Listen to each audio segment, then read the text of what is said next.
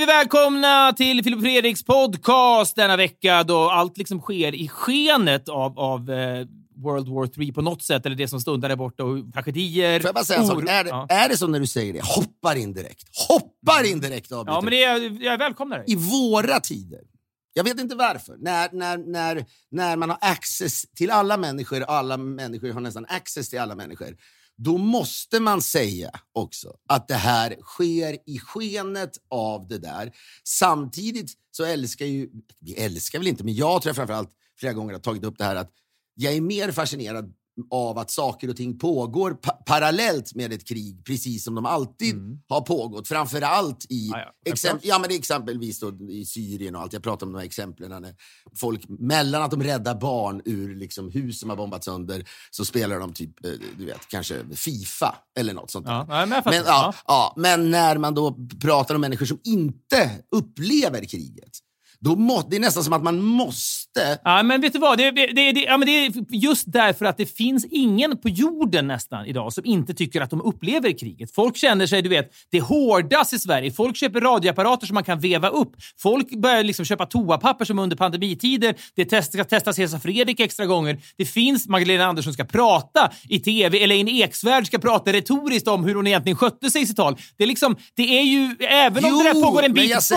så ske- finns det ingen människa i Sverige upplever inte att de är typ en del av kriget just nu. Sen förstår väl alla att det är Nej. mycket, mycket värre att vara i Ukraina än att vara här och så vidare. Men det finns en, det en oerhörd närvaro ändå för att man konsumerar. Sen tror jag att den kanske är ännu mer närvaro, kanske, om man tittar överlag procentuellt över hela befolkningen i Sverige, för att Sverige såklart ligger närmare Såklart. Ukraina. Och att det är både fruktansvärt men också en kittling för Sverige att någonstans ha en hotbild mot sig för första gången på 250 år. Ja, jag, jag förstår vad du menar med kittlingen, men kittlingen är väldigt cerebral. Jag tror att den där grejen är, det, det är väldigt långt ner i behovspyramiden för folk. Jag tror väldigt många, Jo, barn ska vi inte tala om, men det finns, det finns ju liksom en rädsla, en diffus rädsla. Samtidigt finns det skamkänslor hos folk. Ja, men varför ska jag vara rädd för? Stackars de här jävlarna i Ukraina, det är de som ska vara rädda. Men jag är ju ändå rädd. Och så blir det en massa ångestspiraler av det. Så jag tror folk är liksom fucked up av det här precis när man börjar få korn på, alltså coronakommissionen har sagt sitt, överdödligheten var ganska låg. Nu kan vi lägga oss det där bakom oss och så kommer Ja, säg så här då,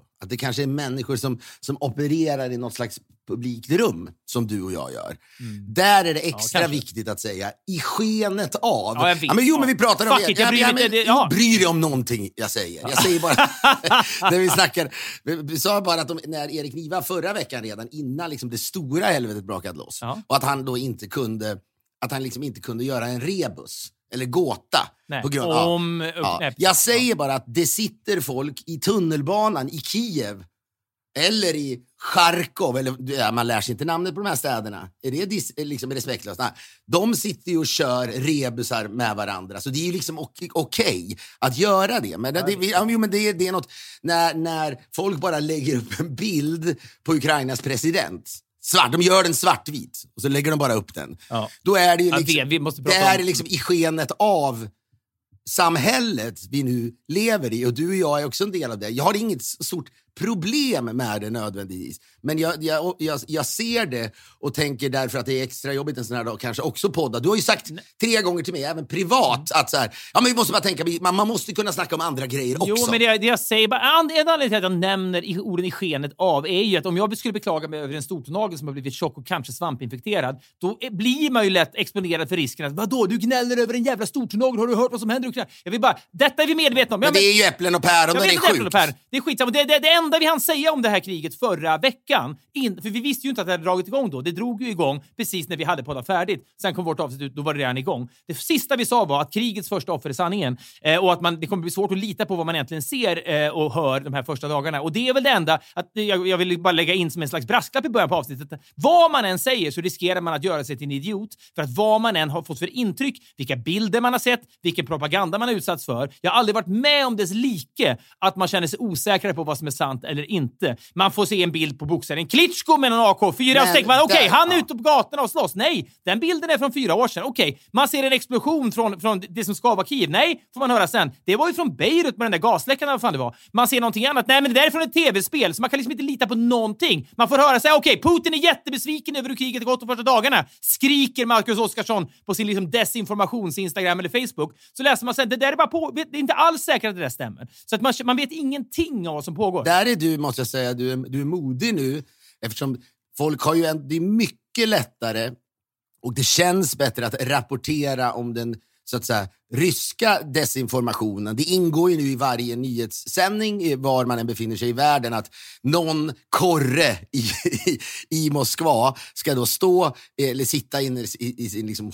i sin de- korrelägenhet och sen så ska det vara så här, ja, hur, vad rapporterar rysk media då? Och så är det, ja, här hyllas bara Putin som en, som en, som en, ja, men du vågar här alltså. Du vågar även ifrågasätta vad Uk- Ukraina eh, kommunicerar ut. Nej, men jag håller ju med dig, men jag säger det ganska oväntat. Ja, men det, det är något, ja, men, ja, men ingenting är ju folk mer överens om nu, och det här säger jag ingenting om egentligen, men att den här president Zelensky är ju nu, jo, jordens just nu mest, mest ikoniska... Hörde du att han ska vara med i Värvet nästa vecka?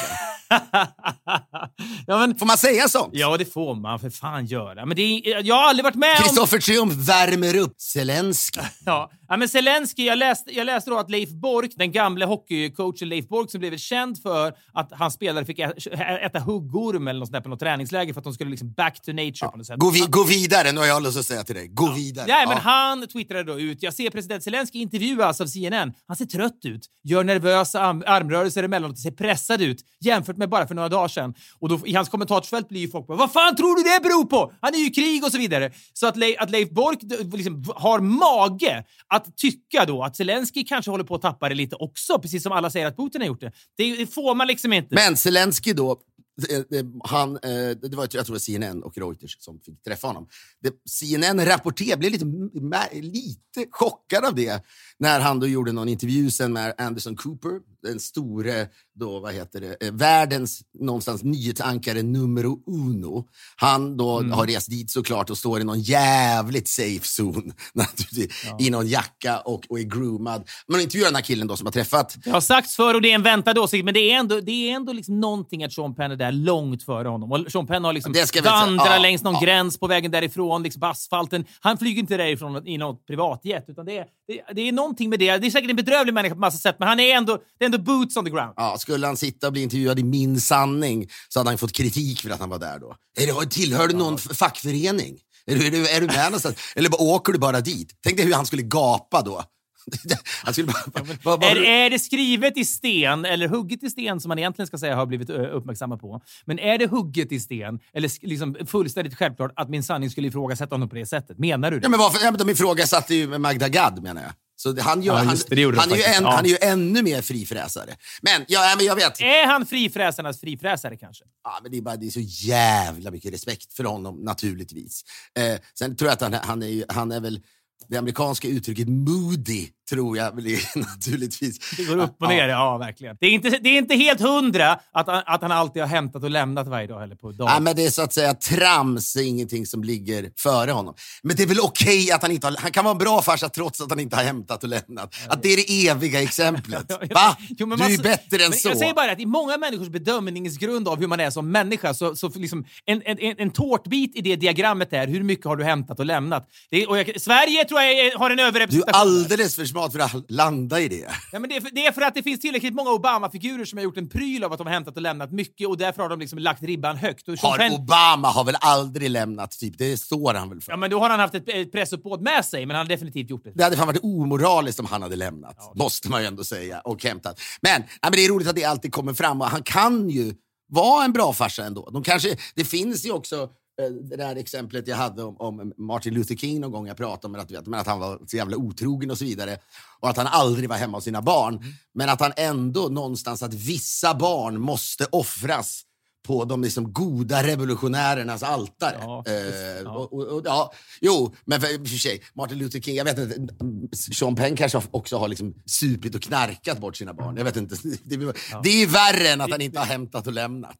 I så Kanske. fall. Ja, det ena kan väl hänga ihop med det andra också. Och reportern då, som har intervjuat Zelensky, som har då åkt i liksom olika konvojer och sen landat in i, i, i någon slags bunker. Eh, och, och, och, jag vet inte hur det där går till, men det, det, det känns ändå som ryssarna skulle kunna ha koll på. Vänta, titta, här är det någon jävla liksom, officiell... Är, jag minns att det är, no- det, är någon, ja, det är någon film med, oh, är det The Insider kanske, där Al Pacino spelar någon 60 minutes eh, Filmen börjar med att han hoppar in i någon bil i typ Libanon, han får en påse på huvudet, han, och han kastas in i något baksäte, åker runt, runt, runt i en stad och plötsligt så sitter han i något jävla rum, av med påsen och så sitter han mitt emot någon, någon eh, du vet, eh, eh, milisledare, grillaledare som han då vill intervjua för 60 minutes. Och det, det måste vara något sånt som den här CNN-reporten också. Påse på huvudet, runt, runt, runt. Nu är du i en bunker, av med påsen. Här har du Zelensky. Vad vill du ställa för frågor? jag, tror att, jag tror att det är nog mer sofistikerat än på... Ja, målet i ens liv är väl ändå att få sitta i sånt där baksäte med en påse på huvudet. Inte för att vara på väg till någon avrättning, utan för att intervjua någon som Zelensky. Då känner man sig ändå att man är... Kristoffer Triumf sitter så, på väg för det. När han ska göra värvet. Otroligt. Men jag ska bara säga att... En hisnande tanke. men du, nu refererar du till en, eh, till en film, ja, men det, ja, det finns en journalist som heter Robert Fisk, legendarisk, som då bland annat var en av de första som intervjuade eh, Osama bin Laden. Han lämnade in, Robert Fisk har inte heller lämnat på dagis, så att säga. Men istället så, så här, när hans fru lämnade på dagis så sitter han just med någon slags Påse på huvudet, ja. påse på huvudet och är på väg. Men han beskrev att det verkligen var så och att man byter flera gånger. Jag blev bara orolig att, i och med att staden är så liten. Jag hoppas verkligen att de har koll på just detta. I och med att det är så mycket, ryssarna ko- kollar ju vad de olika konvojerna... Men det sägs ju att det är 400. Och återigen, vad kan man lita på? Kom ihåg låten Vem kan man lita på av Hoola Bandoola Band? Den kan vi avsluta podden med. Den ska inte avsluta podden. Ah, Okej, det behöver inte göra. Okej, Ugglas version av den? Kanske? Who knows? Men jag skulle bara säga att det, det sägs ju att Ryssland då har 400 yrkesmördare på väg mot Kiev för att plocka Zelensky, så att säga. Så att han menar, det, det, det känns otroligt. Hur ska han klara sig? Ja, och. Ja, men hur ska han komma undan? Äh, jag tänker att han kommer undan. Ja, ja, På, äh, men så här. så, Ja, men just det, när väl staden är då belägrad till 100 procent, då kommer också ryssarna. Du känner, ju- vad heter han? Salvatore Allende, va?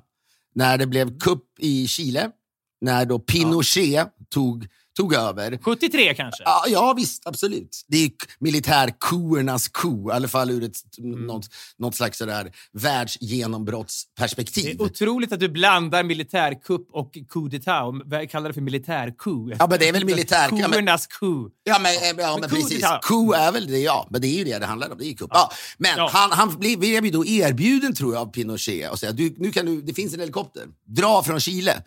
Då gick han istället upp och höll ett radiotal till befolkningen och tog väl livet av sig sen istället. Åh, fy fan. Ja. Mm. Ja, ja precis. Det här är svårt att skämta om, Fredrik. Nej, det är inte det jag menar. Jag säger bara att det är någonstans... Det är fr- Ja, väldigt... du reagerade. Du reagerade innerligt. Jag blev golvad då bara, helt enkelt. Men det, det, det, jag säger inte så oh, det här kan vi inte skämta om. Jag menar inte det. Jag menar bara så här, det där visste jag inte. Och jag vet vad? En liten del av mig, en liten del av mig tänker också stämmer. Det är svårt, det är svårt att vässa. Jag, jag, jag tror, jag måste kolla detta nu. Tänk om jag hittar på det här. Vecka sponsrad av E-Fuel som är experter på elbilsladdning. Ett tydligt exempel på det är att de inte har det mesta utan bara det bästa. Med det sagt då så säljer och installerar de bara den testvinnande laddboxen Easy som både privatpersoner, företag och bostadsrättsföreningar kan köpa. Laddboxen som alltså funkar för alla elbilar vi älskar. Verkligen när företag går all in och blir bäst på något. Det är ju det centrala här, att den funkar på alla elbilar. Och då får du då med Elfuel så får du alltså den bästa laddboxen installerad och klar. Det är bara att trycka in sladden i bilen sen och njuta av denna laddning. Jag vet ju att det här är någonting som ligger dig varmt Ja, men kopplar du sen då laddboxen till E-Fuels app så kan du då schemalägga laddningen så att du laddar bilen när elen är som billigast, vilket sannerligen efter den här vintern är relevant. E-Fuel vet att många tycker att elbilsladdning kan verka lite krångligt och det är också därför de finns för att göra det lättare för alla att äga en elbil. Gå in på efuel.se, efuel.se, alltså elektriskt fuel, för att uppleva detta. Vi säger stort tack till E-Fuel! Vi är denna vecka sponsrade av försäkringsbolags gå i bräschen giganten Hedvig. Eh, man önskar ju, ja fy fan, man önskar ju att man hade en klippa som Hedvig att luta sig mot. Till exempel då när man renoverar, som jag har gjort, när det liksom skakar i livet och saker känns jobbigt. Du vet, här med service bara. När man, du vet, nu har jag gått och väntat här kanske två veckor på att en liten lampa ska installeras i mitt hus. Och den här elektrikern pratar om ett staff och varje gång är det något nytt. Hans fru är på sjukhus. Eller hans mamma, vad fan som helst. Ja, men, men känslan är ju när, med många hantverkare att lögnerna haglar och liksom... Eh, och jag menar, vad fan. Den mest hagliga yrkeskåren i Ja, världen. det. Lögnhagel. Ja, men jag är ledsen, Ja. jag låg på neurokirurgen igår. Jag kunde tyvärr inte komma med hammaren. Ja, det är, det är så, sånt har jag upplevt. Men med Hedvig, om Hedvig utförde ens renoveringar så skulle det vara på utsatt tid. Hedvig har verkligen, som du säger, gått i bräschen för att förändra service-mindedness och hur man blir bemött i den här försäkringsbranschen som så länge har varit förknippad med elände. Det är underbart och vi säger stort tack till Hedvig. Vi är vecka sponsrade av Albert som är barnens digitala utbildningsplattform för matematik, svenska, programmering, geografi och nu då, det här glädjer mig oerhört, också engelska för barn mellan 3 och 16 år. Ja, har ni läst läxor med barnen innan Albert? Var det bråkande hemma, sura miner, trötta föräldrar? Svaret på, på, svaret på allt detta, svaret på allt detta är ja. Alltså det är någonting med det här som eh, det, är, det är någon slags liksom ground zero för föräldraskap. Okej, nu sitter jag här. Nu är jag en förälder. Nu hjälper jag till med läxor. Det minns jag när mina föräldrar gjorde. Nu ska det här gå i arv. Nu ska jag då göra mitt jobb som förälder. När man då inte lyckas med det, när man tycker att det är svårt, när man riktigt inte kan matten, när man har glömt bort några engelska, du vet, verb eller vad det nu är. Att då ha det här stödet är ju underbart. Ja, och att kunna lämna barnen givetvis vid den här digitala äh, utbildningsplattformen och kanske gå och ta en, ja, inte vet jag, en bärs eller någonting och sen komma tillbaka efter ett tag och notera hur lustfyllt det här är och hur mycket information barnen tar in och processar. Gå in på hejalbert.se och starta en prenumeration utan bindningstid. Är du ny medlem så får du testa gratis fram till påsk med tillgång till hela utbudet på hemsidan. Vi säger stort tack till Albert! Jag verkar ha rätt när jag gör en, en googling av detta nu, men det, är också, det, finns, Ja. det finns andra eh, då, eh, rapporter som, som gör gällande andra saker. Ja, men, det är disputed som det står. Ja. Ja, men om det inte är så så är det ju åtminstone en episk bild av vad Zelensky också då skulle kunna göra. Det, är- han har ju lagt upp, det är en ribba som lades upp av Allende som, som är, eh, ja, det, det, är en nattsvart ribba. Det är en av de nattsvartaste. Men jag tror att det kommer ske i det här läget också för att nog vet ryssarna, nu ska man spekulera, nu blir jag någon slags expert, men att ryssarna inser att om de går in och avrättar honom då vet jag inte, då vet jag inte ens om, om NATO längre inte kan gå in. Jag vet inte. Ja, men det, är, jag tycker det, är så, det är väl det som alla bara funderar på. Okej, hur galen är Putin? Är han galen alls? Det vet man inte. Han, du, du säger att han är botox, att det är tusen. Jag vet inte vad man kan hämta för styrka ur det. Ja, men det, jo, men det behöver man inte vara, det behöver man inte vara galen Ja, men för. skitsamma. Hela världen avskyr ju nu eh, då, eh, Putin. Och det är intressant tycker jag hur de, de rika människorna som har Putin på speed dial nu också via de ekonomiska sanktionerna börjar påverkas av detta på ett sätt som gör att de kanske börjar messa whatsappa honom och säga hör vad fan, nu, det, vad är det, what's the point av det här egentligen? Hur mycket orkar han stå emot det? Jag såg en mycket skrattretande bildbyline av alla, av, av alla reportrar som är ute i världen nu och tar bilder på sig själva i krigszoner och ser allvarliga ut. Så eh, undrar om inte Staffan Heimersson då, eh, världsreporter på Aftonbladet och liksom, han har varit en grand old man, har varit och rapporterat i Han är hundratals 90 år gammal. Ja, Han det är han 90 verkligen. år. Jag vet, jag kräver inte att han ska åka till Kiev, men han står då på Rivieran, Cap Ferrat, liksom, på plats på, I Cap Ferrat, där då massa oljemiljardärer finns, där står han stolt uppställd med en bildbajlan och säger jag är här och kollar in läget. Väldigt spänd stämning hos oligarkerna på grund av kriget och det är ungefär som att han har tagit sig till, till en krigszon när han har åkt till solen i Rivieran. Det är något det som är väldigt komiskt. Men man, man undrar bara av alla de här grejerna. Han är avskydd av så många nu. Han kommer knappt att bli mer avskydd om de knäpper Zelensky. Han är redan så avskydd han kan bli. Och jag vet, men jag menar, jag, menar det bara att då tror jag, då finns inte den där ledaren i Ukraina där. Då kommer någon annan säga, ni måste hjälpa oss nu, för det här är för brutalt. Jag vet inte om detta, detta kommer ske. Va, vad säger amerikansk media? Du, du konsumerar väldigt mycket amerikansk media kring detta. Och Jag ska- jag ska komma till ja, det. Jag bara undrar så här. Vad tror, jag läste någon New York Times-artikel nu som- där rubriken bara var Putin kan mycket väl använda en atombomb. Det är inte omöjligt. Vad skulle hända, menar Amerika? För de, i Sverige sitter ju inte på någon atombomb. Liksom, det kan inte ens Elaine Eksvärd kommentera när hon pratar retorik om Magdalena Anderssons tal. Och så vidare. Det finns ju ingenting att prata om. Men om Putin skulle bränna av en atombomb, kan Biden undvika att ge sig in i detta då? Och vad, är det på riktigt då? Nu är, inte, nu är inte jag ens alarmist här. Jag bara undrar, om han skulle smälla av en sån, är det lika med USA måste ge sig in och då är, det är ett världskrig? Jag, jag, känner mig, liksom, jag känner mig okunnig. Det är väl redan världskrig som alla säger. Det är bara att man tror att värld, om det då är det väl ett världskrig på traditionellt sätt. Ja, men det är som Medvedev, som väl var den förre presidenten, har sagt nu att ja, men finansiella krig leder ofta till riktiga krig och så vidare. Det, det är föråldrat kanske att tro att ett världskrig måste vara nu slåss vi liksom på, på den franska landsbygden så att säga, eller med soldater mot soldater.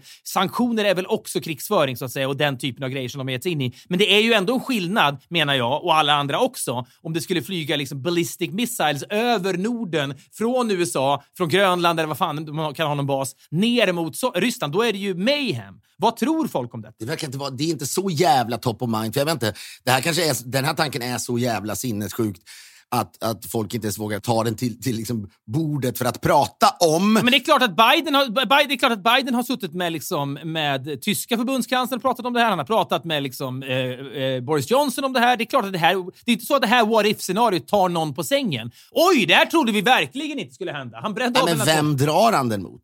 Det är väl det som också är intressant. Ukraina först och främst kanske. Ja, eller drar han det mot USA för alla ekonomiska sanktioner? Ja, men då är det ju inget snack vad USA kommer att göra. Först. Men i och med att han sitter på det och i och med att alla säger att han är så ur balans och han vill få det här kriget ur världen. Det, det är ändå ett what if-scenario man inte, liksom inte kan negligera. Nej, men det var väl det, den här Lavrov då, utrikesministern, sa väl så sent som igår att de inte kommer använda, men å andra sidan det är väl klassiskt. Vad sa Hitler? Han sa väl också att vissa saker inte skulle ske och så gjorde de Vi ska ändå. inte gå in i Sovjetunionen etc. Men det känns ju som att det måste vara liksom Putins sista sista grej innan han då gör en Allende. För jag antar att han vet ju då, i samma dag så kommer bomberna hagla in. Inte, alltså då är det framförallt tror jag Kreml, man måste få bort honom. För en sak är säker, han har ju sannoliken inte support i Ryssland för en atombomb. Så är det ju. Nej, nej det är klart. Det är, man måste också säga, det är, det är någonting med det som, det, av allt som är liksom, det är givetvis problematiska tider om man liksom ur en slags mediekritiskt, eller när man, allt det man konsumerar, det är någonting med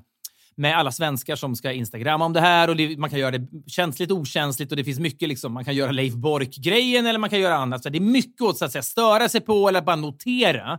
Men det som är någonting varje gång, det är ju när man ser ryssar som går ut på gator och torg. De kan vara kända tennisspelare som då som riskerar väldigt, väldigt mycket. Eller så är det helt vanligt folk som går ut på gatorna bara, bara skyddat med någon munskydd. Tusen pers plockas, sätts in i, någon, i något jävla liksom, häkte någonstans. Det är otroligt ändå. Otroligt rörande att folk vågar det. Om man tänker på liksom ryggradsheten man själv sitter på. Ja, men apropå, då, apropå dåliga ändå när, när man bara känner så här, eh, du vet, desinformation och du då som är modig nog att även eh, ifrågasätta eh, eh den ukrainska ja. eh, desinformationen som sprids ut. Ja, men det var någonting att, de hade, att det var några sjuåringar i Ryssland som hade gått ut med några skyltar där det stod ju, “Peace, no war” eller någonting.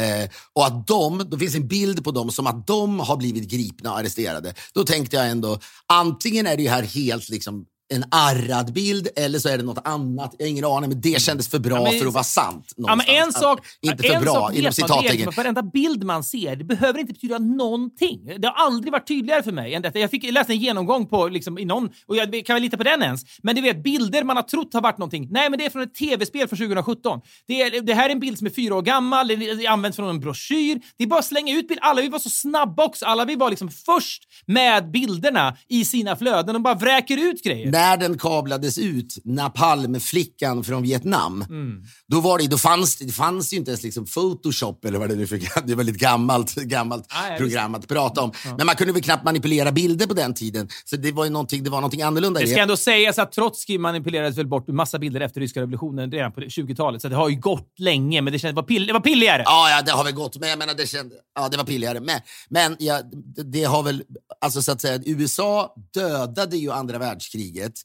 Med atombomberna över Nagasaki och Hiroshima, säger man. I det här fallet skulle man då kunna säga att kriget i så fall nästan Ja. skulle börja av det. Sen skulle det förmodligen vara ett ganska kort krig. Nej, men jag, lä- jag, läste, jag ska bara säga kort apropå atombomben. Jag har ju läst väldigt mycket. Jag har varit fascinerad. Nu gör ju Christopher Nolan en film om Oppenheimer och Manhattan-projektet där de tar fram atombomben. Den är jag lite sugen på att se eftersom jag gillar Nolan och är väldigt fascinerad av hela det den, den produktionen kommer stoppas om det släpps. Så kan det säkerligen bli, men det är någonting med atombomben. Det är så att amerikanerna bombade ju då 60 procent av hela den japanska, alla japanska städer blev wipade innan atombomben ens släpptes. De hade liksom firebombat varenda jävla stad, stor, större än Västerås, hade de liksom bara bombat sönder. Så att atombomberna var egentligen liksom, så, ja, det var ju next level för att det var radioaktivitet och så vidare. Det var fruktansvärt. Men det var ju inte så att det här inte var, hade varit liksom en slakt av Guds nåde under hela sommaren före atombomberna. Så att det är någonting med all, alla amerikaner som då fick hem sina soldater, de säger så här, atombomberna var väl egentligen toppen. Då fick vi ett slut på allt, annars hade vi behövt invadera med soldater. Då hade miljoner människor dött. Så på så sätt var det väl bra. Men invändningen mot det, som jag liksom aldrig riktigt har tänkt på tidigare, som jag läste ganska nyligen, var att, det är att ah, om amerikanerna varit riktigt inom citattecken schyssta kring atombomben, då hade de ju bjudit den japanska ambassadören till Nevadaöknen och sagt vi vill visa dig någonting. Titta här, här har du ett mushroom cloud. Såna har vi nu. De tänker vi släppa om du inte kommunicerar till Men kejsaren. han hade aldrig flugit dit. Nej, men okej, jag vet. Men de hade ju kunnat säga så här, vi har atombomben. Vill ni fortfarande kriga? Och då hade de åtminstone fått chansen att säga nej. Men nu, bara, nu liksom surprisar de. Nu vet, nu vet ju alla att atombomberna finns. Men jag tror en av anledningarna till... Alltså det är två grejer som, som de har eh, rapporterat om. Och det, såg jag, det finns väl även i svensk media. Men hur ser stegen ut innan en atombomb så att säga, fälls?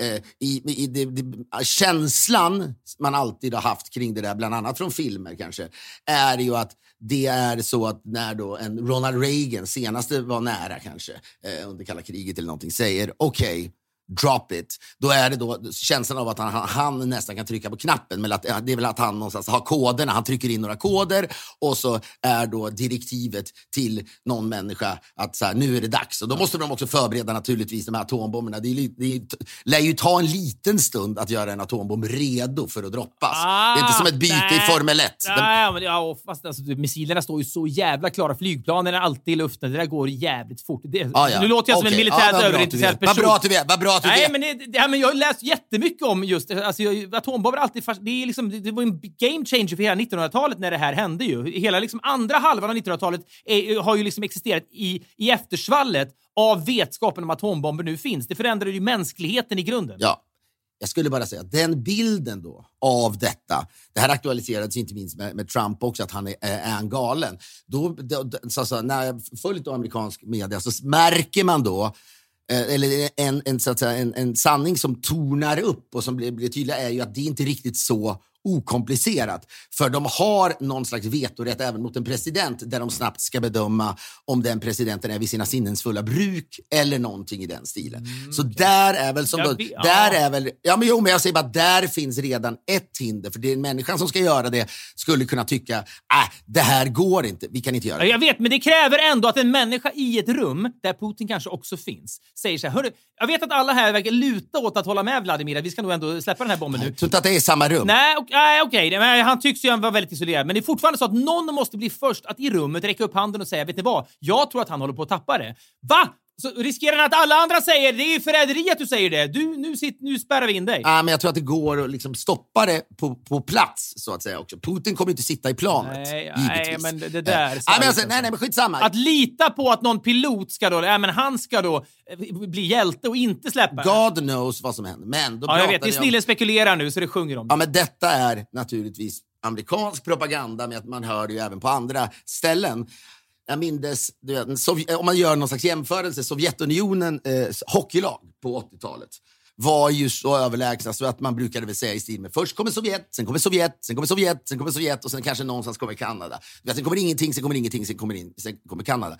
Jag har inte riktigt greppat USAs militära överlägsenhet i världen. Jag har inte fattat hur mycket... Det måste jag ändå säga överraskar mig lite att du inte har fattat det. Du har ändå bott där i... Ja, men inte hur, ja, men inte hur överlägset det var. För det var som någon sa, att om han droppar den här atombomben, då är liksom halva Ryssland borta direkt. Du vet, på några timmar. Alltså, de Jag har vet, sån men djävulusigt... ja, jo, ja, men att de det menade bygger att det vet, tar men det, slut. Det, det, Putin vet om är ju att Biden inte vill bli människan som dödar hundratals ryssar, eller hundratals miljoner ryssar. Det vet han ju också om. Jo, men de kommer ju dra... Om de drar den över Ukraina, då är det ju slut på tassandet på det sättet. Det går inte längre. Ja, fast det är ju hela, kärnfrå hela kärnfrågan här är ju exakt det du säger. Om de gör det, är Biden då presidenten som säger ja, vi ska också retaliata med kärnvapen och därmed skicka ryssarna? Det är ju he- det är, Vet du varför de gör det enligt åtminstone experterna? För de pr- pratar om det här. Det är ju problemet att dels finns det då krav på att det ska bli så, men framför allt om han droppar en så kan han droppa två. Så då måste de fort som fan reagera. Det är en del av det där. De har inget val. Vi måste slå ut honom så fort det bara går på alla. jag vet, men tänk- om då Putin liksom öppnar sin nästa briefcase där han har här är alla missiler riktade mot USA, bränn av allihopa. Ja, då måste ju de bränna av alla. Då, då är ju halva planeten wipad. Det, är ju, det vill ju inte Biden. Det vet ju Putin om att Biden inte vill. Oh, Jag säger bara, jag, jag vet inte, men jag, jag tror bara att det är liksom skak. Det är, det är en svårare process än vad man tror. Vem vet, kanske kan detta hända. Men det var någon som sa att det är också bra för att USA är så fruktansvärt överlägset, även Kina militärt, att kineserna inte vill in i detta överhuvudtaget. För att de vet också att de är, de är fried. Och sen säger då också amerikanerna, det tror jag lite är sant. Han trodde inte att världen skulle bry sig om det här just för att... Nej, så de kan trodde- det möjligen vara. Ja. Jo, men av den anledningen att han trodde ju att Europa skulle vara splittrat. Och att det skulle finnas för mycket finansiella, och de kanske kommer på sikt. Ja, och folk skulle vara rädda för en ny flyktingkris och så vidare. Du vet Turkiet och massa länder som har varit lite halvassocierade med honom. Kina går inte ut och aktivt stöttar honom. Det är, väl en, det är naturligtvis en fördel eh, i att... Det känns, det känns just nu, jag har aldrig tänkt mer på Kina, men Kina känns just nu för den här idioten som sitter och spekulerar. Som en, skulle bara Kina säga hörru, vi kan inte stå bakom det här nu. Då är det liksom över. Det känns som att de har någon slags vågmästarroll Tror mig att det måste finnas en, s- den typen av förhandlingar med honom där den kinesiska presidenten nu, drömläge för honom naturligtvis att säga Xi Jinping heter han kanske, eller? Ja, Jinping tror jag. Ja, precis. Om du vill ha förnamnet också där. Ja, jo, jag kan säga Xi. Ja, Xi, eller är. jag. Men jag säger bara att han sitter ju naturligtvis... Det är så mycket som sker nu som man inte har koll på. Men han sitter ju naturligtvis i ett förhandlingsläge då han säger okej. Dröm. Ja. Jo, men då, det handlar ju inte jag, om försvarsmässigt, utan då är det mer, eh, du vet, eh, traders säger så här, okej, routes. då kör vi på det här sättet. Då. Nu, behöver, vi- nu avskaffar vi mänskliga rättigheter i alla våra fabriker. Och ni, får, ni på tio år får inte ni säga någonting Vi vill kunna tillverka the iPhone, en, en rak kopia av iPhone, utan att ni bryr er ett skit. Okej, det har vi också på bordet. Kör! Det är för jag tror att du har rätt i det. Det var någon som sa det. Var om Kina tar en aktiv markering, då är han, ju, då är han körd.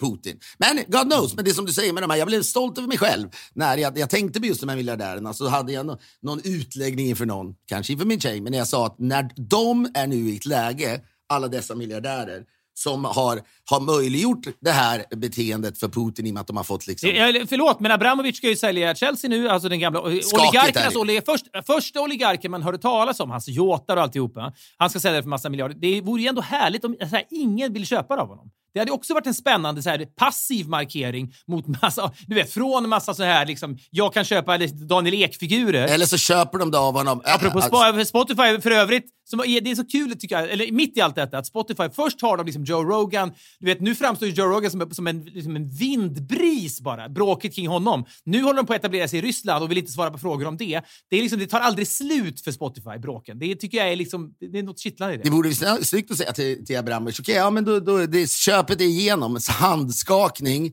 klubben är din och sen får han inte pengarna så att säga. Nej, den, den överföringen gick inte klart. Skitsamma, det är något skakigt i att han, ant, det är någonting, antingen är det skakigt eller att det är ett sätt för honom nu att ta avstånd från Putin. Men de är naturligtvis rädda för hur många, hur många mördare och hitmen finns det i eh, eh, England exempelvis är redo att, att, att liksom skjuta dem. Det, är också, det finns inte en människa som har lämnat Ryssland som inte har familjer kvar i Ryssland. Det är ju det som också måste vara för jävligt om man nu är skraj för den typen av... Så här, ja, Ah, ja, och då sen blir vad, vad, vad drar man gränsen för vad en familj är? Men jag tror att de är i jävligt många lägen, för de, de så att, stöttar väl Putin i utbyte mot att de får liksom göra vad fan de vill och får alla dessa pengar. Det är väl smart för honom att köpa en massa människor. Men de är ju i ett läge där de naturligtvis är så, om Putin nu faller, för det kanske inte bara, visst de skulle säkert kunna störta honom också, men om han faller på något sätt, då är ju de också ganska snart eh, gripna och förmodligen avrättade, många av dem Ja, men också. får jag bara fråga dig då, så jag som, som då känner mig liksom nu har man, ju, man vet mycket, mycket mer nu än för en vecka sedan, men man känner sig fortfarande liksom väldigt rudis på mycket av det här. När du säger så här, Putin faller, hur skulle det gå till? Att några andra, det blir en, en statskupp då, det blir en kuppernas kupp inne då i Ryssland, att de säger så här, Putin, vi går inte med på det här, vi tar över nu, vi spärrar in. Men det kan vi, jag läste igår någonting, det fanns massa, massa alternativ. Det räcker med att tre pers inne i Kreml börjar vända sig mot honom. Ja, ja. Och dels att han kan naturligtvis gripas skjuten med förgiftningar. Det finns Ja, väl hur mycket som helst. men jag- det var jag- någon som sa det är, ja, men det är poänglöst att bomba, sa de, Kreml. För han finns kvar även om det dras en atombomb. Men han sitter ju nere i någon, någon bunker såklart. Bunkrarna, men det räcker med att det börjar bli myteri. Och då är det jag säger, att då kommer ju de här miljardärerna ganska snabbt gripas också. Så att de, de är väl i det här läget och det är väl alltid, eller det är väl ofta så när det handlar om militärkupper och när, över, överlag så här, om, om diktatorer bestörtas. Okej, okay, jag har varit på hans sida. Är det nu realistiskt för mig att ta ställning Det mot vet du vad det är? Det är, det är fingrarna i luftens fingrarna i luften. är vad Ja. det handlar om. Man måste verkligen känna, har den här... Jag måste vara tidig nog att liksom lämna det sjunkande skeppet så att jag framstår som modig och som jag bidrar till detta och inte bara åker snålskjuts på andra som har tagit risken. Jag måste vara, man måste vara, timingen måste vara otrolig på att när man ska lämna Putin-skeppet. Men då hade väl han, en, en av de här killarna, firman, jag vet inte vad han hette, någonting som var ute igår, han har aldrig hållit en presskonferens väl. När han sa också snälla avsluta kriget så frågade jag, men be mig inte uttala mig om Putin för jag har så mycket anställda i, i Ryssland som kan eh, råka illa är ut jag har även familj och så vidare. Jo men det, det visar ju att det ändå bör börja hända grejer. Så att God knows varför, hur fan det är, men det är någonstans, det, det, det, det jobbas ju nu på att avrätta Putin och det ska alltid, vet du vilken, vilken säkerhetstjänst som alltid ska slängas in då? Så säger folk, det är nog de som, Mossad. det är, no, Alltid. ja, det är nog de som knäpper honom till slut. Ja, men precis. Nu har USA misslyckats, nu har alla misslyckats. Okej, vi, vi skickar in fyra Mossad-soldater från Israel då. Israels eh, specialstyrkor eller undersökare vad det nu är. Men det är liksom, de, de ska ju vara soldaterna soldater. Det blir mycket upprepningar av uttryck i stil med soldaterna soldater, kuppernas kupp och så vidare. Men det här känns som, det, det känns liksom som inte vet jag, avsnittets avsnitt när det gäller spännande tiders spännande tider, om du förstår. Ja, men, vad, men apropå också, de, desinformation och så där, det man gillar att läsa, för det är mycket man verkligen bara blir spyfärdig av och det är mycket man blir orolig av. Därför behövs det ju liksom positiva nuggets i flödet. Eh, och då var det ju de här på Krimhalvön där de har, eh, ryssarna har haft närvaro länge för att det finns väl en väldigt eh, ganska stor då, rysk eh, befolkning där. Men att de har börjat desertera. Eller? Nej, men det, är det, men det var exakt det jag sa. Det var därför jag skulle komma till det. Det är ju desinformation, men den gillar man ju då att läsa. Men det, det är ju, och det här är ju också, eller, men det var, jag lyssnade åtminstone på BBC igår, någon intervju. De har många reportrar ute nu, de satsar på det här, därför också att man tjänar pengar på det här. Det var så jävla kul. Apropå, apropå BBC, av alla rubriker jag läst kring detta, så liksom, det, det är liksom, för man, man dränks ju fullständigt och man njuter ju av dem. Alla de här. Nu stoppar de här transporterna till Ryssland. Nu, du vet, Pornhub lägger av med Ryssland och så vidare. Eh, Elon Musk hjälper till att skaffa in, internet i Ukraina. Det är mycket så här, alla ska liksom bidra sitt strå till stacken som man inte sett maken till sen, sen flyktingkrisen 2015. Vi gör vad vi kan och så vidare.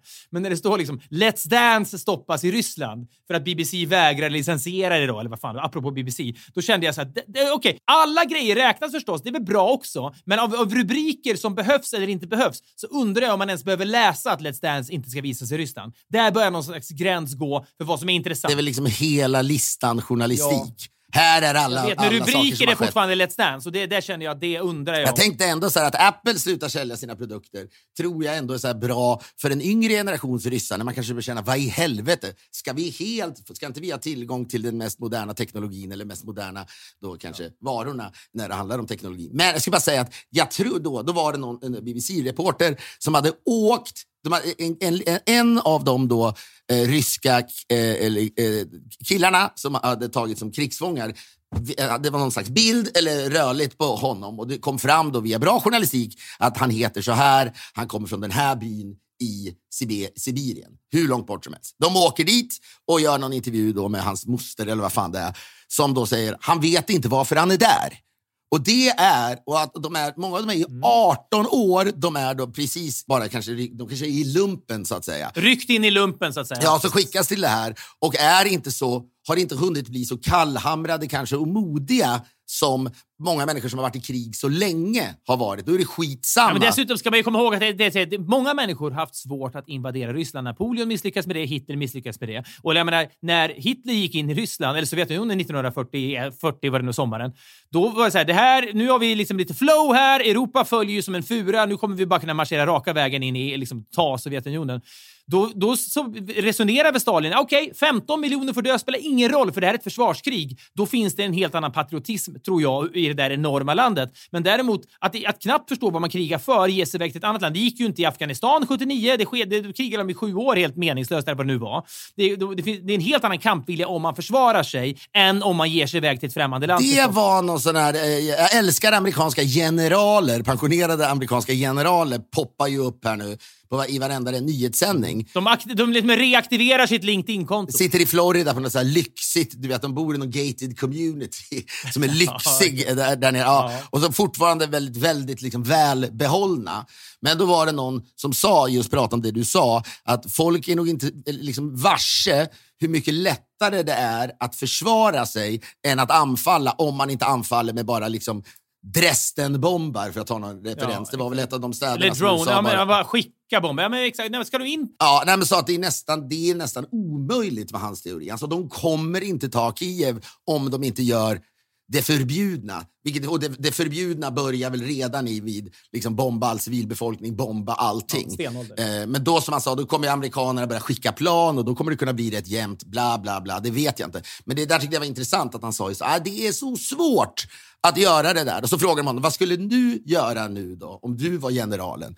Och då skulle han säga, du ska säga till alla människor som är ute på gatorna, ställ upp era bilar på vägarna så att de, folk inte kan åka vidare. Lägg ut stenar, lägg ut allt ni kan på alla vägar som leder in mot Kiev.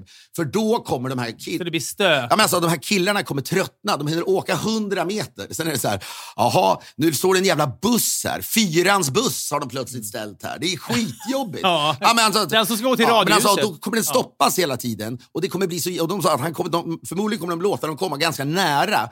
För då blir de bara stående där. Och de här som alltså också drar nytta av att de är oerfarna. Och nu har väl även eh, eh, Zelensky har väl också erbjudit dem pengar nu för att hoppa av. Men det är ju någonting i det där naturligtvis att stå... Jag tänkte verkligen på de här som nu hade, nu har skickat in fallskärmsjägare, tror jag. Sådär. När, man, när man står där i planet, vem man än är, om man inte är, är liksom Breivik eller om man är fullpumpad, pumpad, det kanske många är, med någon slags droger som gör att man blir helt du vet, känslokall eller något sådär. Ja. Då vet man ju att chansen när man hoppar ner där är att ganska många står där nere och bara skjuter ihjäl en. Eller den här konvojen. Var fem, de vet ju att, åtminstone, vet väl till och med Ryssland, var tionde av de där pansarvagnar eller vad det är, kommer ju bara smällas upp. Så det är ju att vara kanonmat är ju jobbigt. Ja, det var någon som sa det här. Det, det, som, det här är den första konflikten. Alltså det, det, pågår, det ska påminnas mig också om. Herregud, nyss gick ju liksom eh, eh, talibanerna in i Kabul och det är liksom så här, sånt här pågår ju. Den här typen av liksom övertaganden sker ju hela tiden, men nu är vi extra varse här. Vi i Sverige och i västvärlden kanske för att det här sker i någon slags liksom, ja, det är närmare oss rent geografiskt och kulturellt kanske. Men det pågår hela tiden. Men det som är nytt här på ett sätt som vi inte... Det förbjudna som någon sa ju vitare, desto mer an anstränger sig världen. Ja, lite så är det ju. Men, men, det, ja, men det som inte liksom har folk har sett maken till, var det någon som skrev, det som, känns, det som är mest ultranytt med den här konflikten, då, det här kriget, är ju att det är så här, allt skildras ju via sociala medier. Det finns fler kameror än någonsin. Plus att när den här konvojen rullar mot Kiev, då är liksom Google Maps eller Waze eller vad det nu är för trafikapp som finns aktiv i Kiev, den varnar liksom de här trafikanterna som ska till jobbet i Kiev. Ja, nu är det lite extra mycket trafik på liksom typ E20. Ja, det är där rött. kommer det en konvoj med stridsvagnar. Ja, det, där är det rött trafikmässigt. Så försök ta en annan väg nu. Så den vanliga världen, där, där liksom de sociala medierna och liksom trafikappar och vad som helst plötsligt integreras i kriget. Det är så jävla... Det är både kittlande och ja, hemskt. Men det var ju också någon som sa att just, det finns liksom en brytpunkt i ett barns eh, utveckling, såklart, där empati och medkänsla utvecklas, eller är fullt utvecklad då gäller det att, så att säga, använda, det är därför man då många är så här, du vet, Boko Haram i, i, i Nigeria, och herregud vi har ju sett det tidigare, men att man använder sig av barnsoldater, för innan medkänslan och empatin, eh, empatin är utvecklad så kan man liksom piska upp en stämning som gör att barn gör vad fan som helst. Och det var någon som sa att de här fördelarna... Hitlerjugend, typ. Ja, men ännu yngre. Du vet, de här som är 12 år och står med... Det var väl, Hitlerjugend var väl ändå Ja. inte 12 år. Men att det är... Ja, Hitlerjugend är väl snarare vad de ryska soldaterna är nu, fast inte... Det har gått för fort. De har inte hunnit indoktrineras. Det är det. Hitler gjorde ju grundjobbet. Vinna, liksom, Ja, att han, han liksom fick befolkningen... Hans narrativ om varför världen såg ut som den värld. Lebensraum, Ja, men, allt alltså, det det, jo, men också vilka som var så att säga fienderna i hans värld. Det här har ju gått undan. Visst, han har pratat om, om, om Ukraina och nu, som de sa igår, ändrades ju plötsligt the justification när Lavrov började prata om att Ukraina är en kärnvapennation, Okej. eller håller det på att bli Ja, det. Det är därför vi gör det här. Så att, det är tydligen klassiskt i krig att när de är pressade så börjar man ändra de olika sakerna. Det är problemet med de här killarna, att de har empati, de här 18-åriga ryssarna. De vill, eh, eh, du vet, de vill eh, naturligtvis inte dö. Så det där kan vara ett, det där kan ju liksom vara en, en det, det känns som att det där, när de börjar ge upp, mm det kan, Ja, men det var ju något det klipp då- som det är valsade då, det är då, Är det då Putin ger upp eller är det då han skickar iväg en atombomb? För då kanske han säger de där jävla svinen jobbar inte ens för mig. De får också Men dö. det var ju något, något klipp som valsar runt när det är någon tant som går fram till de ryska soldaterna i typ Kiev och så ger, stoppar hon ner typ solrosfrön i fickan på dem. va? Hon skriker på dem och säger här kan ni ha i fickan så när ni väl skjuts ihjäl och dör här så kommer det här att blomma upp i marken när ni ligger begravda i vår jord. Det är, det är, något, av det, det är något av det mäktigaste man har hört någon göra ändå. Det är retorik som är helt... Stämmer det? Ja, om det stämmer. Jag vet inte. Det kanske är sju år gammalt från ett tv-spel. Jag vet ju inte det. Man vet inte. Alltså så här, vi är alla, tror jag, som jag sa förra veckan, krigens första offer i sanningen, vi är alla helt lost i allt det här egentligen. kvinnan eller tan tanten som vevade med väskan mot nynazister i Växjö, I Växjö, ja. framstår ju Ja. som banal och korkad i jämförelse med den här tanten, ja, så att säga. sannerligen. Ja. Ja, men det är någonting med hela det här bygget. Det fanns ingen poesi i det. Nej, hon bara vevar. Hon bara, kärringen bara vevar i Växjö. Men det är bygget också av Zelensky som den här, men före detta... Hon är med i Min sanning med Anna Hedenmo. Det framstår, tycker jag, som banalt det du gjort. Nu när man ser tanten i Ukraina så framstår du som lite, ursäkta uttrycket, banal när du vevar med den där väskan i Växjö. Ångrar du Men det? det, men det kommer det kom, det, det kommer ju vara så här, det var, jag läste någonstans att det rullar ju ner i tunnelbanorna så är det så här Peppa Pig och du vet vad det nu kan vara för barnserier. Okej. som de försöker få in någon tv och så sitter barn i, i de där rummen och tittar på det. Det var de intervjuade någon otroligt briljant som i, BBC beskrevs som an Ukrainian academic. inte, inte mer än så, Ah, okej. men som intervjuades. Som, som pratade om vad är det viktigaste just nu? Ja, det är att leka med mitt barn. Och jag började faktiskt gråta då. jag började det. gråta då. Det är, men det är också, förlåt, men det är som du, det är som du antyder också, det är så typiskt CNN att liksom, an, Ukrainian academic är liksom, mer än så har vi inte, men det får räcka. Ingen amerikan skulle någonsin presenteras på det sättet i en nyhetssändning. An American academic. Nej, men det också, finns ju också någon, någon slags obehaglig elitism, Ja. ungefär som bara för att den här mannen var vältalig. Det skulle inte varit uh, uh, liksom, a Ukrainian alcoholic och sen att han säger de Nej, här men bra det är också grejerna. kul när, när liksom de sitter i kontrollrummet på CNN och så ja, nu har vi den här intervjun. Vad ska vi kalla den här jäveln då? Vi har ingen titel på honom. Men författare, det vet vi ju inte. Men academic låter bra. Då tror man på honom. Kör academic. Det är så fascinerande, det är så mycket bilder man får eh, och, och matas med. Och det finns en, ett klipp som, som ändå som också gör en så jävla glad, eller framförallt eh, det, det får en att känna visst hopp. Det är de här, det var någon ukrainsk man som du vet, hade bara, eh, du vet, förmodligen inte tillhörde mi- militären aktivt längre, men, men du vet, hämtat upp de här va, eh, vapnen och nu eh, liksom, eh, är med i militären och, och kämpar mot ryssarna. 80 år typ. Nej, men det var han väl inte. Han var snarare 50, men drog iväg några jävla liksom, skott. Eller vad man vet, så här. Och man ser att han samtidigt har en cigg i käften när han vänder sig om och ett leende när han har dragit iväg några. Man mår ju liksom bra av det. Att, att, att det, finns, det, det där antyder någon slags nonchalans. Det här är väl inga problem. Man kan vara salongs och knäcka ryssarna. men, Ja, men det och- är någonting, det, det, som, ja, det som är så, det man blir tagen av är ju liksom den till sy, den här, liksom Zelensky har ju liksom haft ett liv i sus och dus innan han gav sig in i politiken. Han har ju varit komiker, produktionsbolag och liksom... man kan ändå påstå att det är eh, eh, Ukrainas Felix Herngren. Eget produktionsbolag, check. Det har Felix Herngren. Eh, och han har då även naturligtvis spelat huvudrollen i eh, Ukrainas största komediserie. Check. Rik. Check Ja, och så vidare. ja. Folklig Ja. check eh, och, och, och så vidare. Bara, gift, check. Ja, så kan man ju leka med tanken på, skulle, liksom, skulle Felix klara av att liksom, göra den trovärdiga resan? Då? Är, vi, kan, vi ska inte utesluta någonting. Han är åtminstone väldigt vältränad, Felix. Men det är någonting när han sitter nere i sin bunker, Zelensky, och liksom har den här känslan av vi kommer inte att ge oss. Han har liksom bestämt sig, tycks han kommunicera, och kommunicerar det väldigt skickligt. Alla, det förenar liksom alla ukrainare man ser klipp på. Visst, man ser folk som är rädda förstås, man ser folk som flyr och så vidare. Men många som är kvar där, som liksom, här är ett ungt, snyggt par, de har skaffat vapen, vi kommer att slåss till vi stupar. Det är någonting... Oh, men då har heller inget val. Männen, männen mellan 15 och 60 får inte ens lämna. Så Nej, också, nej så är det. Men såklart, men jag menar, det, det, det, det är en, en, en gatekeeper-funktion som västmedia har. Att det sipprar igenom fler klipp som kommunicerar. Ukrainarna är modiga. De här, liksom, den här historien om de här 13 soldaterna som var på någon ö och så sa fuck you till några ryssar och sen blev de ihjälskjutna allihopa. Då känner man så här, det är inte klokt. Vilka hjältar och det tryckts upp tio, du vet så här. Men de lever väl nu? Ja, exakt. Ja, men det, är så här, det visar sig också fem dagar senare. Nej, men de blir inte alls ihjälskjutna. De är fångar nu. Okej, då kan man inte tro på det. Ja, Okej, då får man ifrågasätta ganska mycket här kanske. Men det de har lyckats paketera bra är ju den här motståndsrörelsen och känslan av att vi, vi är inte så rädda. Ni i väst, eller ni andra är mer rädda för det här än vad vi är. Vi är här nu. Vi kommer att offra oss om det behövs. Men det här, är- det här är vad vi är satta på jorden för att göra just nu. Och den nästan... Men där fattar man, det är också något intressant, där fattar man att åtminstone vår bild av östblocket, forna Sovjetunionen, är ju då det som väl i Finland, någon slags sisu eller vad fan, jag vet inte vad, vad det kanske är sisu, kanske något annat. Ja, men uthållighet och sådär. där har ju ukrainier, ja men där har ukrainierna och ryssarna någonting gemensamt.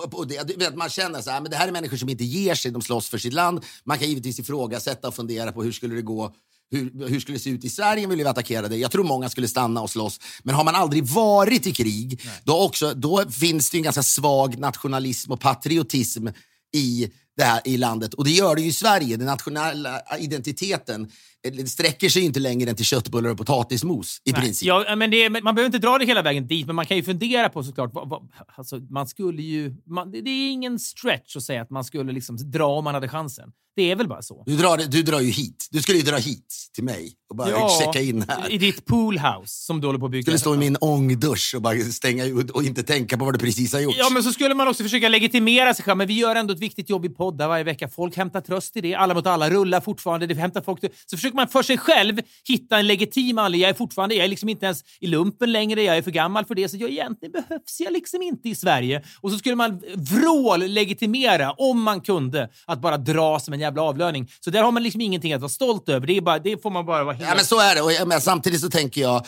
Zelensky, vad har han för val? Skulle han dra och lämna medborgarna i sticket, vad har han för liv efter ett krig då? Han kommer ju vara liksom en av världens mest hatade män. Så att han, är, han, är, det, han, får han får ju otroligt mycket cred, rättmätigt, men för någonting han aldrig kunde skitit i att göra. Visst, möjligen. Nej, men sen- sen gör han möjligen också- så han skulle gör det han kunna dragit någon annanstans i Ukraina. Han skulle möjligtvis kunna då gömt sig i någon annan stad. Vet vi att han är i Kiev förresten? Ah, det känns så väl. Men det, ja, who knows? Hade Felix stannat? Ja, men det, men det var det jag skulle säga. Ja, han hade inte heller haft något val. Det är det. Han, du har inget val. Du kan inte bara dra. Men, men, men jag, jag tror som sagt att Sveriges bristfälliga nationalism gör ju att man tror att folk ändå skulle vara räddare och snabbare så att säga lägga ner sina vapen. Det kanske inte alls är sant. Men man tänker på alla dessa Sverigevänner då, då, eh, som då tillhör högern. Högerspökena, Eh, ja. Det- alltså, frågan är väl, för det här är ju vad det handlar om då i så fall, att skapa patriotism och nationell tillhörighet och så vidare. Så God Ja, men schablon, knows. Schablonbilden av Sverigevänner, de som har en svensk flagga i sin liksom, Twitter-avatar eller vad det nu är, alla de som kallar sig Sverigevänner, som är liksom emot flyktingar, allt det här. Då, i, enligt alla då konstens regler så borde de vara de första som beväpnar sig och ställer sig liksom ute på gatan och säger ni kommer inte in i, i Hässleholm eller liksom Ängelholm. Men eller, så är det väl ofta. Det, historien bevisar väl att det kanske inte riktigt alltid är så. Nej. Och Det kan väl vara i alla möjliga sammanhang. Men fegisarna eh, skulle inte våga eh, agera på det här sättet. Och då, då räknar jag tveklöst mig själv dit. För jag, skulle, jag ska inte ens sitta här och påstå att jag skulle gått ut på gatorna med en Kalasjnikov om jag ens hade fått någon. Liksom, jag, Men då, jag ska bara säga att eh, i, i boxarna vad, vad gäller eh, Felix Herngren, så jag tror ju inte att Felix Herngrens eh, eh, då, eh, släktingar blev eh, avrättade under andra världskriget. Så är det ju med Zelensky. Han var ju då... Eh, det var någonstans där också, där, när, när Putin han pratar om eh, nazismen i Ukraina, som givetvis, den finns, Mm. det är tveklöst så.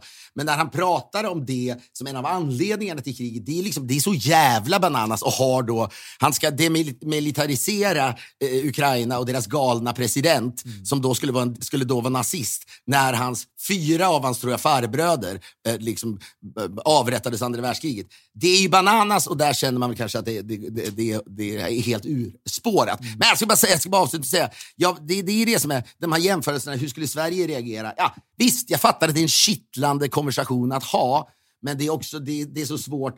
Det blir nästan lite föraktfullt att skit i det nu. Det får vi väl ta när det kommer. Ja, men jag håller med.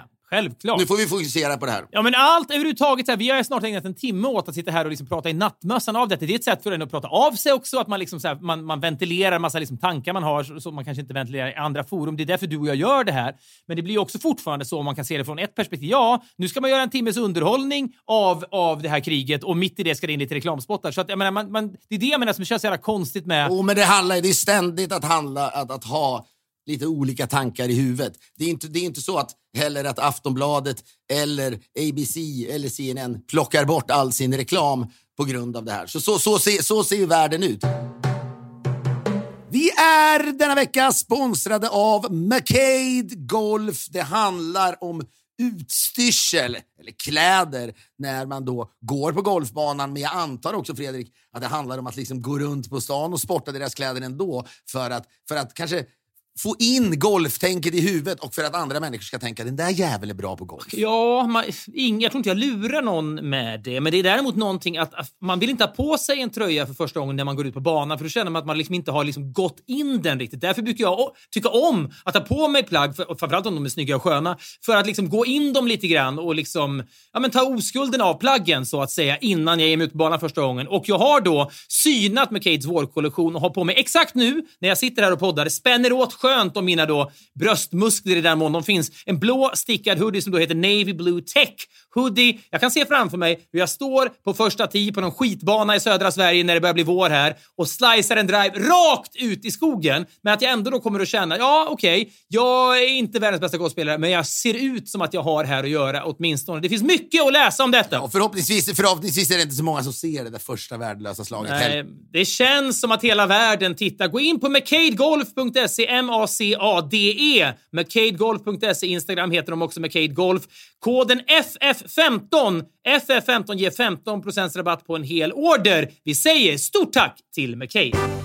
Vi är denna vecka sponsrade av Lendo, Sveriges största jämförelsetjänst för privat och företagslån. Det finns ju massa fördelar med att jämföra innan man lånar. Förutom att, då att enkelt kunna jämföra räntor och kostnader och villkor så tas det till exempel då bara en kreditupplysning via UC när du ansöker om lån via Lendo. Detta är underbart. Ja, varför är det viktigt att ha det där i åtanke? Jo, för när du ansöker om lån väger de allra flesta långivare in hur många kreditupplysningar som gjorts. Detta är då någon slags indikation på att om du lånar eller på andra sätt handlar mycket på kredit eh, kan påverka din kreditvärdighet. Eh, därför ska man då alltid gå via en jämförelsetjänst som Lendo som bara tar en kreditupplysning. Men där du kan jämföra svar från flera långivare i deras panel då. Lendo är Sveriges största jämförelsetjänst för privat och företagslån. Vi säger stort tack till Lendo.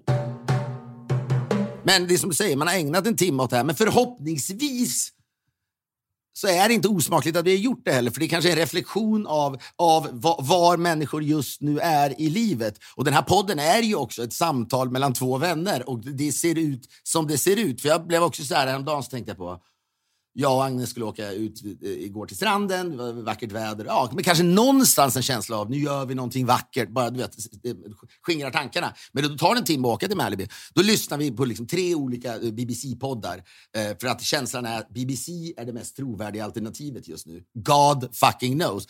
Men då så tänkte jag så här, är jag en ny... Vill vi börja prata? Har man nu blivit en nyhetsjunkie? Är det någonting vulgärt i att det finns en dimension av att man frossar i det? Eller att spänningen det är så kittlande på samma sätt som om man gillar att titta på en jävla thriller eller vad det nu kan vara. Men jag får jag, min konklusion till slut blev att det är nog lika bra att bara omfamna det här och inte kritisera sig själv för att man konsumerar kriget så mycket. För det någonstans gör det väl att man man tar med sig det här i livet och, och blir en bättre människa någon jävla stans. Jag vet inte, eller jag hoppas det. Inte så att jag tror man blir bättre människa, men att man ändå ser det här gör väl att man fattar att man kanske ska värdesätta lite det man har de facto. Men det är någonting, det är rörande med det. Det här är ju en, en åsikt som har, liksom, jag vet att du har berättat att din dotter är orolig för det här. Ni bor ändå liksom i Kalifornien. Det är ganska långt därifrån. Men mina barn de, de eh, frågar ju skitmycket om det här förstås. Och jag minns ju precis hur det var. Alltså, du och jag växte upp i epicentret av ett annat... Liksom, så här, nu, när ska bomben falla? I början på 80-talet så var det, gjordes det ju filmer som, var, som hade rent atombombstema. Det här händer om atombomben smäller och det visades på liksom, tv-kanaler och det var liksom... Generationen innan var med om en Kubakris och generationen innan det Ja, var med om ett världskrig. Jag har berättat för dig otaliga gånger, men när jag, när jag sitter liksom, vår Putin heter ju Brezhnev och jag minns att jag sitter på bussen på väg till skolan i Gullspång från Otterbäcken och Peter Hägg kliver in utanför ICA på busstationen där, kommer in och skriker “Brezhnev är död!” Han har väl bara dött för att han var gammal eller fått en stroke eller någonting. Det var ingen liksom att han bara blev nedplockad på något sätt. Hela bussen ställer sig upp och vrålar av glädje. Och det var liksom någonting, nu, nu kommer allt ordna sig. Så kom det väl någon ny Andropov eller Tjernenko eller vad de hette som var lika farlig. Han innan då eh, Gorbatjov kom och, och kylde ner alltihopa. Men, men, men det, det, de tjänsterna vi hade för Brezhnev nu har ju våra barn för Putin. Och att det, är liksom, det, finns, det är inget nytt under solen på något sätt, men det är ju väldigt, för barn är ju det här superskrämmande förstås. Ja, det, det är ju det. Och hur ska man då hantera det? Det vet jag inte riktigt. Jag pratade med eh, eh, en person igår som är eh, terapeut som sa nej, man måste validate. Det vill säga säga ja, det här är obehagligt, men då sen addera någonting av att det kommer nog ordna sig i alla fall. Ja, det, där, det där kommer man ju aldrig bli. Det känns också väldigt, väldigt individuellt. Men avslutningsvis måste jag bara, det du just nämnde där var ju att 89 faller Sovjetunionen. Det är efter då Brezhnev dör och så kommer de här två snubbarna som dör direkt. Jag vet inte om det var så att Tjernenko kom först och sen kom Andropov eller tvärtom. De var ju fostrade och, eh, i, i den här gamla eh, kommunistiska Sovjetskolan och var, jobbade väl med Brezhnev i princip. Och sen kom eh, Gorbatjov. Det man glömmer, tycker jag ibland, eller det kan det är ju att Gorbatjov lever. Ju. Gorbatjov bor i Moskva, men Putin har lyckats, och det är ändå tycker jag fascinerande, att, näs, att demonisera den här mannen. Eller åtminstone tysta Ja, han, honom. har ju, han har ju, som vi brukar säga, myggat av. Han har lyckats mygga av. Ja, för Man hör ingenting från Gorbatjov. Nej, och det var ju någon intervju som gjordes, eller som finns, när Herzog möter honom. Som är så jävla... Det är inte det, det här, mycket kan han Herzog. Ingen jätteintervjuare på det där sättet. Där skulle de skickat någon annan, känns det som. Eller, Men det var väl hans idé. Han är väl en intervjuare när han sitter med någon människa på death row, för han är bra på att förmedla Ja. en känsla. Eh, och så vidare. Men man, nu känns som, är det någon som skulle flygas ut borde det vara Gorbatjov och resten av världen borde kanske använda sig av honom på något sätt och försöka förändra det narrativet. För han kan ju ändå säga någonting, men han är Fast liksom... det kan ändå vara så att han, att han ses som en föredetting i Ryssland. Ingen bryr sig om honom. Han kanske är liksom, inte vet jag, Fälldin. Liksom. Han, Sen blev det ju bara skit efter honom. Det är ju så. Efter det stod ju folk och bara väntade, i, och väntade Ja. på liksom en limpa var väl allt man fick för det fanns inga pengar. För det tycker jag, nej, men det tycker jag är det obehagliga som jag blev varse igår. Man bara inte tänker på. Ja, nu finns det fortfarande vatten, rinnande vatten i Ukraina. De kan alltjämt eh, googla och se vad som händer. Detta kanske kommer vara lugnt så länge då Elon Musks satelliter finns där. Vad vet jag? Men snart, det var en kvinna som blev intervjuad och grät, någon parlamentsledamot som sa ja, men snart, det är redan köer till butikerna. Det är tomt. Snart inträffar den grejen i det här kriget. När det börjar bli den typen av tragedi. När det finns ingen... Det är svinkallt i Ukraina fortfarande. När det inte värmen finns och så vidare. Så att, ja, gal, jag vet inte hur länge det tar, men eh, ja. Jag såg bilder på... Amerikanska politiker nu älskar ju då att lägga upp bilder på andra amerikanska politiker som har träffat Putin och gör tummen upp typ och har det trevligt för att liksom bevisa att den här jäveln är en Putin-vän. Jag tänkte ändå för mig själv att du och jag hade ju Alltså så här, om vi hade träffat Putin under alla våra resor, vi har, du vet, vi har varit i Ryssland, vi har rest runt en massa. Om vi hade råkat träffa Putin och, och få ta en bild med honom, då hade det funnits en bild där du och jag står och ser skitglada ut med Putin. Garanterat! Den, den hade man fått kastat i ansiktet, inte vet jag, 5000 gånger under den här veckan om det hade Oh, varit men man kan också säga att, att det fanns också finns någonting nästan att man gör det ironiskt och sen är det så att han har bara blivit galnare och galnare eller åtminstone mer, mer hård Det för. hade, det hade ändå inte sett, sett bra ut. Det hade ändå blivit något snack, snack med Kanal 5s Det presstjänst. hade sett dåligt ut. Ja, äh, men som sagt var, det kanske finns folk ute som säger håll käften, låt de som har något att säga prata. Må så vara. Det känns som att vi kommer fortsätta prata om det här nästa vecka. Om det inte är så att förändringens vindar har blåst in över Kreml och han backar. Eller om... Är det där en cue till att vi ska sluta med Wind of Change? Bara för att den är så jävla bra. Ja, passar dig. Det, det är du som har... Den här idén kommer från dig. Ja, men den är så jävla bra. Klaus Meine Scorpions 1987 eller 88, vad fan det är. Den är ändå så jävla visslingen i början. Den går redan igång. Ni hör ni vad härligt. Nå, Maila oss gärna till podcastat.poddff.com. Vi tycker mycket om att ha den här stunden med er. Vi hoppas att allting är lugnt och att vi får prata med varandra om en vecka igen. Ha det så bra så länge. Hej! Down to Gonky Park, listening to the wind of change. August summer night, soldiers passing by, listening to the wind of change.